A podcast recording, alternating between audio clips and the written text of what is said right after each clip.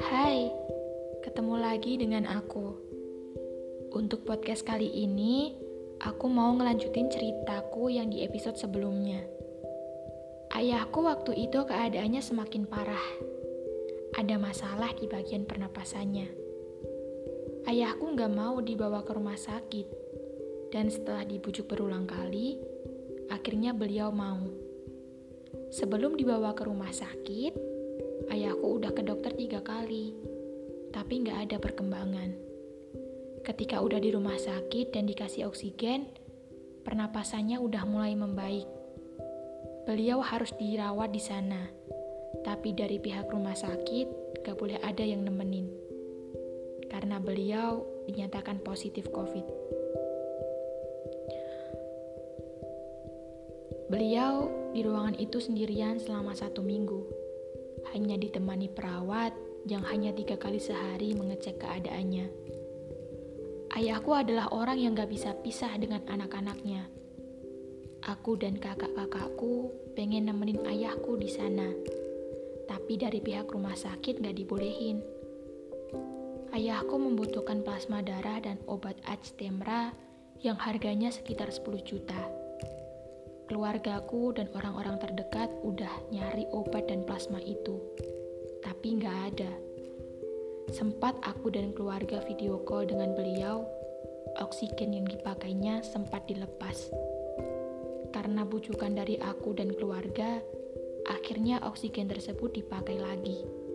Hingga pada satu malam, keadaan ayahku memburuk. Aku dan keluarga udah nggak bisa nahan nangis. Kami semalaman gak bisa tidur. Ayahku sempat telepon dan bilang ngajak pulang.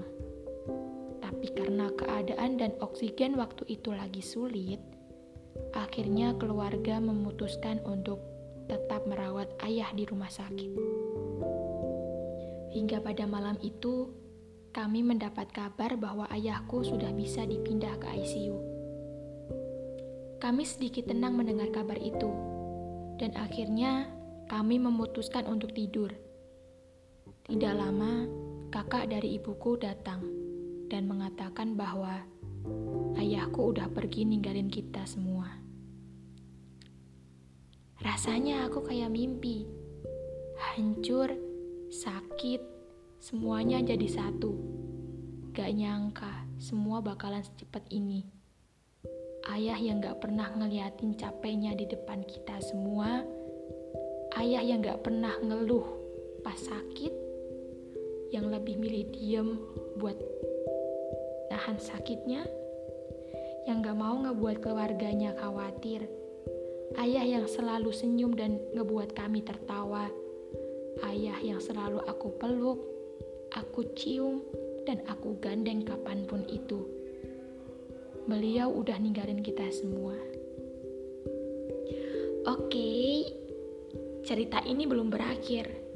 Kalau kalian masih penasaran gimana kelanjutan ceritanya, sampai aku bisa sekuat ini ngejalanin kehidupan? Tungguin di episode selanjutnya ya. Terima kasih untuk yang udah setia mendengarkan ceritaku. Bye bye.